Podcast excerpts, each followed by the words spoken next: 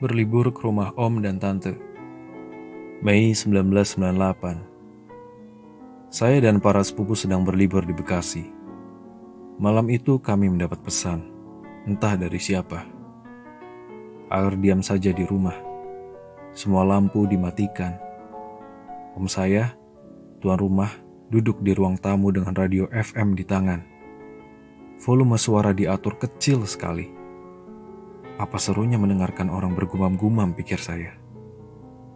Istrinya, adik ibu saya, mengajak kami, anak-anak masuk ke kamarnya. Yang biasanya hanya boleh dimasuki kalau hendak menumpang mandi. Televisi menyala tanpa suara. Saya melihat orang-orang berlarian dalam layar. Tetapi ada yang lebih penting. Saya sedang belajar main capsa. Umur saya enam tahun saya belajar bahwa menang itu menyenangkan, dan orang-orang lemah yang kebingungan sepantasnya kalah.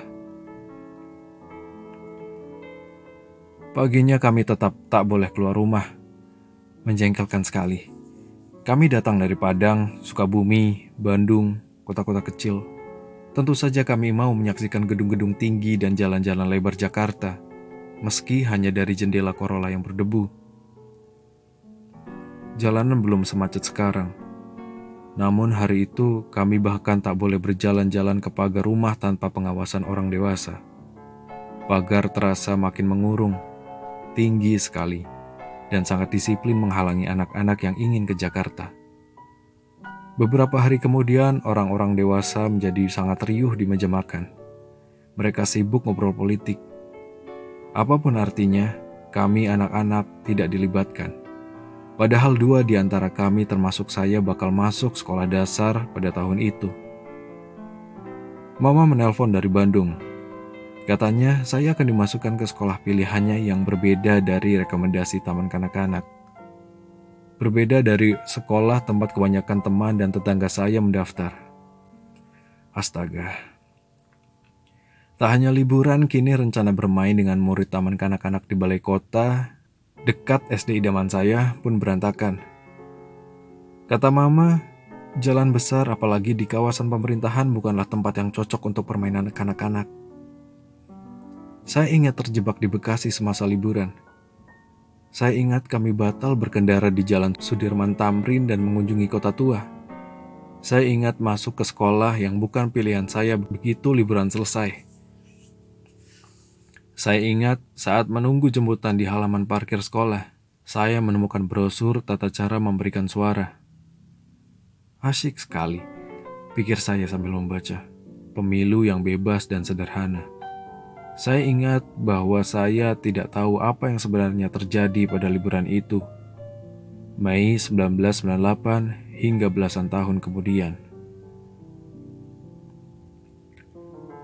Nah, mumpung lagi bahas sejarah, kalau kepanjangan bacanya ntar sore aja. Meski dijunjung sebagai kearifan dan disampaikan dari generasi ke generasi, sebuah petuah belum tentu benar. Perintah untuk belajar dari kesalahan misalnya. Saya kira malah menyesatkan. Di balik setiap perbuatan keliru ada banyak kemungkinan mengapa ia keliru. Dan mengujinya satu persatu ialah perkara yang menghabiskan waktu sekaligus menyiksa saraf. Di sisi lain, belajar dari keberhasilan jauh lebih masuk akal. Kita bisa mulai dengan cara meniru, seperti anak-anak belajar bicara. Seorang balita tak harus paham mengapa ketela dinamai ketela, bukan klepon atau botros atau botros gali, tetapi kemampuan menyembunyikan kata tersebut membawanya selangkah lebih dekat untuk mengucapkan pisang, apel, dan jerapah dan pada akhirnya memahami bahwa setiap kata mewakili benda yang berbeda. Dalam episode terbaru Asumsi Distrik, saya mewawancarai Bondan Kanumoyoso, seorang sejarawan, kurator museum dan pengajar di Universitas Indonesia. Saya senang karena Bondan menjelaskan pentingnya memelihara warisan sejarah di Pelabuhan Sunda Kelapa dengan perspektif pembelajar keberhasilan. Venesia, Kata doktor lulusan Universitas Leiden itu berkembang menjadi salah satu kota paling modern di tanah Eropa. Tanpa mengubur kanal-kanal yang telah menjadi bagian dari identitasnya selama berabad-abad. Atau coba lihat Cina, ujarnya, yang kini merupakan raksasa ekonomi dunia. Kata Bondan, Beijing tak akan jadi apa-apa tanpa Forbidden City. Itu pertanyaan yang menarik. Tetapi apa sih urusan memelihara sejarah dan identitas? Pekerjaan ruwet yang belum tentu menghasilkan uang. Dengan hasrat menjadi bangsa yang canggih dan kaya raya, Bukankah lebih masuk akal kalau kita bersimpuh saja dekat kaki-kaki perusahaan-perusahaan raksasa? Berharap kecipratan dana untuk memacak pilar beton lebih banyak lagi di Jakarta. Merawat representasi sejarah, termasuk situs-situs penting di masa lalu, adalah bagian penting dalam pemeliharaan memori kolektif, ujar Bondan. Dan hanya dengan memori kolektif yang kukuh, suatu masyarakat dapat menyusun serta mempertahankan identitasnya. Daya yang dikandung identitas tak main-main. Tanpa memori kolektif yang menyakitkan sebagai bangsa terjajah, dan kemudian identifikasi diri sebagai kaum terperintah, saya kira tak akan pernah ada kebangkitan nasional di Indonesia. Tak akan ada tekad yang berkobar untuk merdeka dalam kepala para pendiri bangsa kita. Dalam Istanbul Memories and the City 2003, novelis Turki Orhan Pamuk membicarakan bagaimana kotanya selalu dilingkupi huzun, perasaan kehilangan dan terputus dari kejayaan Turki Utsmani, sekaligus berharap-harap cemas terhadap kebaruan. Istanbul dimutahirkan dengan cetak biru pinjaman dari negeri-negeri barat, tetapi tidak dapat melepaskan diri dari bayang-bayang ukiran-ukiran kuno, istana para pasha dan jalan-jalan yang menyerupai labirin jika dipandang dari ketinggian, dan minaret-minaret megah yang menggetarkan. Memori kolektif yang murung itu, menurut Pamuk, menguatkan Istanbul pada masa-masa sulit. Ia juga mendorong kami untuk membaca kehidupan dan sejarah Istanbul secara terbalik. Memungkinkan kami berpikir bahwa kekalahan dan kemiskinan bukanlah akhir sejarah, melainkan permulaan yang terhormat, tulisnya. Demikian pula orang-orang Finlandia yang mendapatkan kekuatan dari Kalevala, identitas kebangsaan mereka, untuk membebaskan diri dari pendudukan Rusia dan menjadikan negaranya berhasil dalam berbagai bidang. Saya kira hal-hal macam itulah yang dimaksud Bondan ketika dia menyebut sejarah sebagai pemandu untuk menyongsong hari depan. Pelabuhan Sunda Kelapa yang pernah menjadi bandar dagang penting dari Kerajaan Pajajaran dan Kesultanan Banten dan kemudian menjadi landasan Batavia, kini sepi, berdebu dan kelihatan bisa menyerah kapan saja. Namun ia belum selesai. Di sana ada komunitas Sunda Kelapa Heritage yang bersikeras merawat apa-apa yang tersisa. Syamsuddin Ilyas, salah satu anggotanya bercerita bagaimana pada tahun lalu warga menjaga museum bahari siang dan malam karena cemas museum yang baru terbakar itu diincar para penjara. Mereka pernah mengadakan pertunjukan kebudayaan dan mengundang para pejabat ke kapal pinisi untuk mengingatkan bahwa penanda historis tersebut tak boleh hilang. Dan dalam beberapa tahun terakhir, Ilyas menyediakan pendidikan jurnalistik dasar bagi anak-anak pesisir utara Jakarta. Sebab ia percaya bahwa warga pesisir patut dan berhak menyampaikan kisah-kisah mereka sendiri. Ada juga Udin dan Nompo, dua bekas pelaut yang jadi pengemudi sampan dalam 30 tahun terakhir. Saat mereka mulai menetap di Sunda Kelapa, bandar itu masih bergairah. Kapal-kapal pinisi penuh muatan lekas datang dan pergi. Para kelasi turun beramai-ramai dan minta diseberangkan ke pasar. Bendera dan samanera berwarna-warni berkibar di mana-mana. Sekarang yang ke pasar biasanya cuma koki, satu orang, kata Nombo.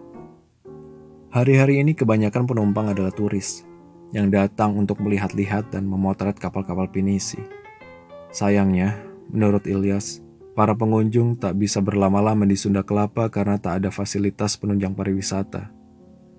Saya mencoba membuka pintu-pintu toilet portable di Sunda Kelapa, dan memang semuanya terkunci. Bahkan kapal-kapal pinisi, menurut Muslimin Damin alias Daeng Mus, anggota lain SKH, bisa habis dalam 10 tahun lagi. Ia bilang, biaya pembuatan kapal tak lagi terjangkau sejak pemerintah memberantas pembalakan hutan. Oke, silakan pembalakan liar di stop. Tapi kan semestinya diatur juga, misalnya hutan khusus untuk menyuplai bahan-bahan baku pembuatan kapal katanya. Secara turun-temurun, keluarga besar Daeng Mus adalah pemilik dan pengelola kapal-kapal pinisi. Tapi seterusnya, illegal logging berhenti. kayu muatan dan bahan baku kapal nggak ada lagi. Tapi hutan-hutannya dihabisi juga untuk perkebunan sawit, ujarnya. Saya bilang, saya melihat banyak pinisi di Sunda Kelapa memuat semen. Sekarang begitu, kata Dengmus. Itu pun karena para pengusaha berbaik hati. Mereka mempercayakan barang cuma karena hubungan baik dengan pemilik-pemilik kapal selama berpuluh-puluh tahun. Pada 2014, sejarawan dan aktivis Hilmar Farid menyampaikan sebuah pidato yang cemerlang dan menggugah di Taman Ismail Marzuki. Judulnya Arus Balik Kebudayaan, Sejarah sebagai Kritik merujuk novel Pramudia Anantatur tentang pergolakan di Nusantara selepas kejatuhan Majapahit di akhir abad ke-15. Pidato Hilmar menggugat pembangunan ekonomi yang bertumpu di daratan sekaligus mengajak kita membayangkan laut dan ekonomi maritim sebagai masa depan gemilang. Tak sampai setahun kemudian, Hilmar dilantik menjadi Direktur Jenderal Kebudayaan di Kementerian Pendidikan dan Kebudayaan. Gagasannya tentang kemaritiman sedikit banyak tentu terserap juga dalam program Nawacita Presiden Joko Widodo. Saya menceritakan pidato tersebut kepada Daeng Mus dan mengutip ajakan Hilmar agar orang-orang Indonesia kembali menghadap ke laut. Benar itu, kata Daeng Mus. Apartemen yang tinggi-tinggi itu semuanya menghadap ke laut.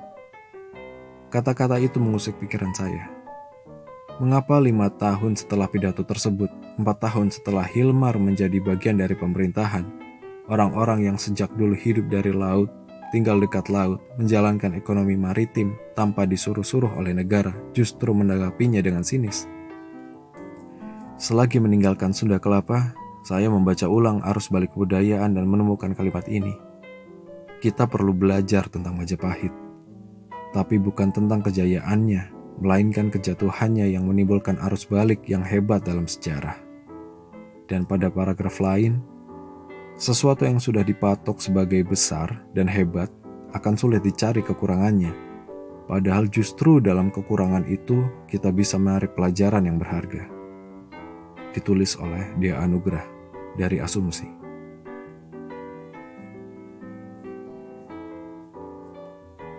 Ada banyak bacaan yang menarik atau tulisan yang bagus dari daily newsletter 5.45 dari asumsi.co. Silakan kamu berlangganan, setiap hari kamu akan mendapatkan email, berita, atau artikel tulisan yang bagus seperti ini. Salah satunya adalah ini. Karena nggak tahu mau ngomongin apa, jadi saya bacain dulu aja. Uh, dan juga karena suaranya habis. Ada lagi uh, tadi pagi uh, bukan tanggal 24 ini yang tanggal 24 ya saya akan bacakan Aku cemas akan kehilangan kau. Aku cemas pada kecemasanku. Hari ini satu saja. Semoga kita tidak lupa. Surat pendek tentang kenaasan kita yang panjangnya jutaan tahun cahaya saudara-saudaraku yang berbudi baik.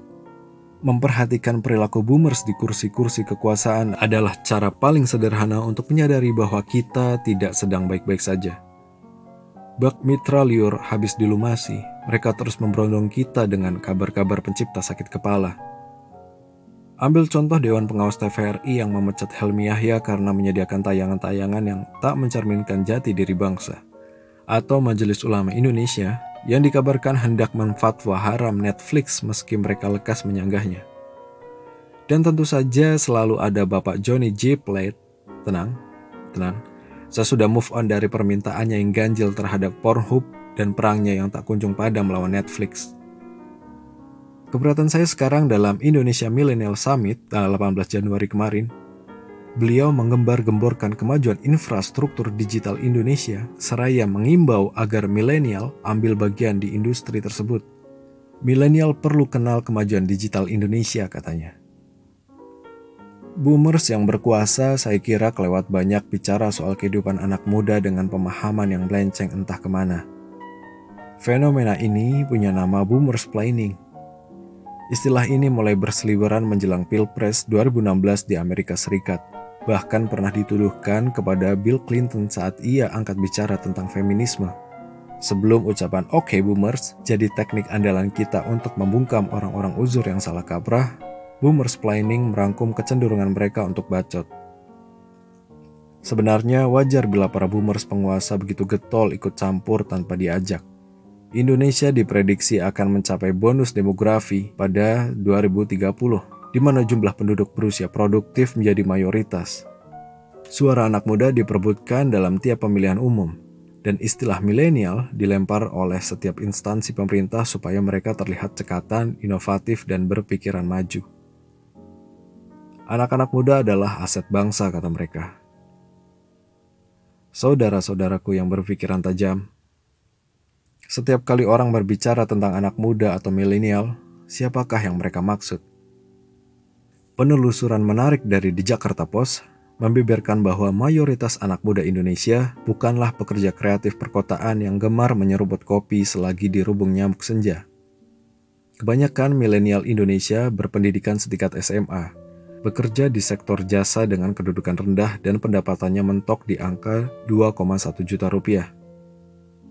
BPS pada tahun 2017 mencatat hanya 1,4 persen dari generasi milenial yang menduduki jabatan tingkat manajer dan hanya 7% yang memegang pekerjaan profesional. Sisanya serabutan dan berhamburan bak debu-debu pembangunan. Kepemilikan properti juga telah lama jadi angan-angan hampa. 81 juta milenial di Indonesia belum memiliki rumah.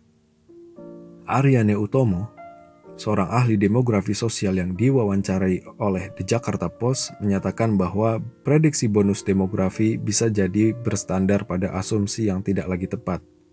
Indonesia tengah mengalami deindustrialisasi prematur yang menghabisi sektor manufaktur dan milenial saat ini menghadapi perubahan besar-besaran tentang definisi kerja itu sendiri. Menurut Pete Robertson dari Universitas Edinburgh, Napier, karir pada abad 21 akan menjadi tanpa batas berdasarkan portofolio dan protean. Pekerja mengubah diri sesuai kebutuhan. Prediksinya kelam. Tak ada lagi pekerjaan seumur hidup semua orang harus bergelantung pada dua, tiga, empat pekerjaan. Mereka berayun dari satu proyek ke proyek lainnya tanpa kepastian jaminan kerja dan jenjang karir. Di masa depan, mau tak mau, semua orang akan menjadi pekerja prekariat. Pekerjaan-pekerjaan musiman macam ini bakal menciptakan stagnansi ekonomi. Para pekerjanya terperosok ke dalam jebakan keterampilan seorang pengemudi ojol. Misalnya, berpeluang besar selamanya menjadi pengemudi ojol. Manunggaling Kawulo Honda. Tak ada peluang mendapat keterampilan baru, apalagi kemajuan karir. Dan berkat kemerosotan ekonomi, semakin lama akan semakin banyak yang terjerumus di lubang ini.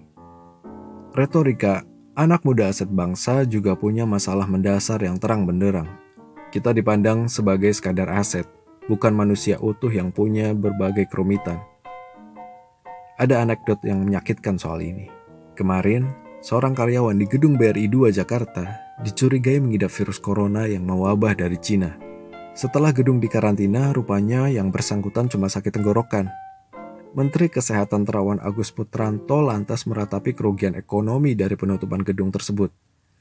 Astaga, berapa harga nyawa kita sekarang? Semestinya lah kita tidak terkejut Omnibus Law penciptaan lapangan kerja terus digagas meski ditolak para buruh yang merasa rancangan undang-undang tersebut berat sebelah. Karpet merah dibentangkan untuk industri batubara meski dampaknya terhadap kerusakan lingkungan telah terbukti di sana-sini. Iuran BPJS dinaikkan berkat anggapan jika sehat itu murah, orang menjadi sangat manja. Apabila rakyat termasuk anak muda dipandang sekadar sebagai aset, kita bakal diperlakukan seperti barang. Hal inilah yang membuat boomers planning begitu menjengkelkan. Pejabat-pejabat pemerintahan kita tak hanya sembrono mendefinisikan anak muda Indonesia, tetapi juga mengamalkan kebijakan-kebijakan yang bikin kita terkencing-kencing di celana. Betapa aneh rasanya mendengar seseorang mengimbau anak muda agar memahami kemajuan digital sementara ia sendiri datang dari abad pertengahan. Ganjil sekali mendengar anggota Dewan Pengawas Stasiun TV Nasional bahwa Liga Inggris tidak mencerminkan jati diri bangsa. Sementara kita tahu bangsa bisa terus berubah dan toh anak-anak muda juga yang akan menentukan jati dirinya di masa depan.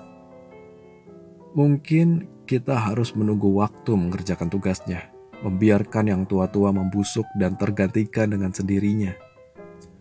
Tetapi menunggu sekadar menunggu, saya kira tak akan mengubah keadaan. Bila kita diam, para penguasa di masa depan bakal berperangai sama sebab datang dari lingkungan elit yang itu-itu saja.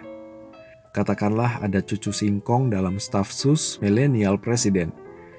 Tetapi mengapa tak ada cucu tukang beca atau anak bok-bok buruh cuci? Memangnya kita bisa apa, katamu? Kita terlampau lemah dan beginilah cara dunia bekerja. Kita, saudaraku, bisa melawan dengan cara yang sederhana, yang kecil saja tetapi bermakna. Kita bisa berhenti menganggap serius para boomers penguasa dan mulai mengorganisir diri, menyemai gagasan-gagasan baru, serta mengangkat derajat satu sama lain. Masa depan kita tidak boleh ditentukan oleh orang-orang yang kelak tak akan ada untuk melihatnya. Salam. Ditulis oleh Raka Ibrahim dan Dia Anugrah. Jadi seperti itu. Semoga kamu membaca lebih dan bermanfaat. Sampai jumpa di episode selanjutnya.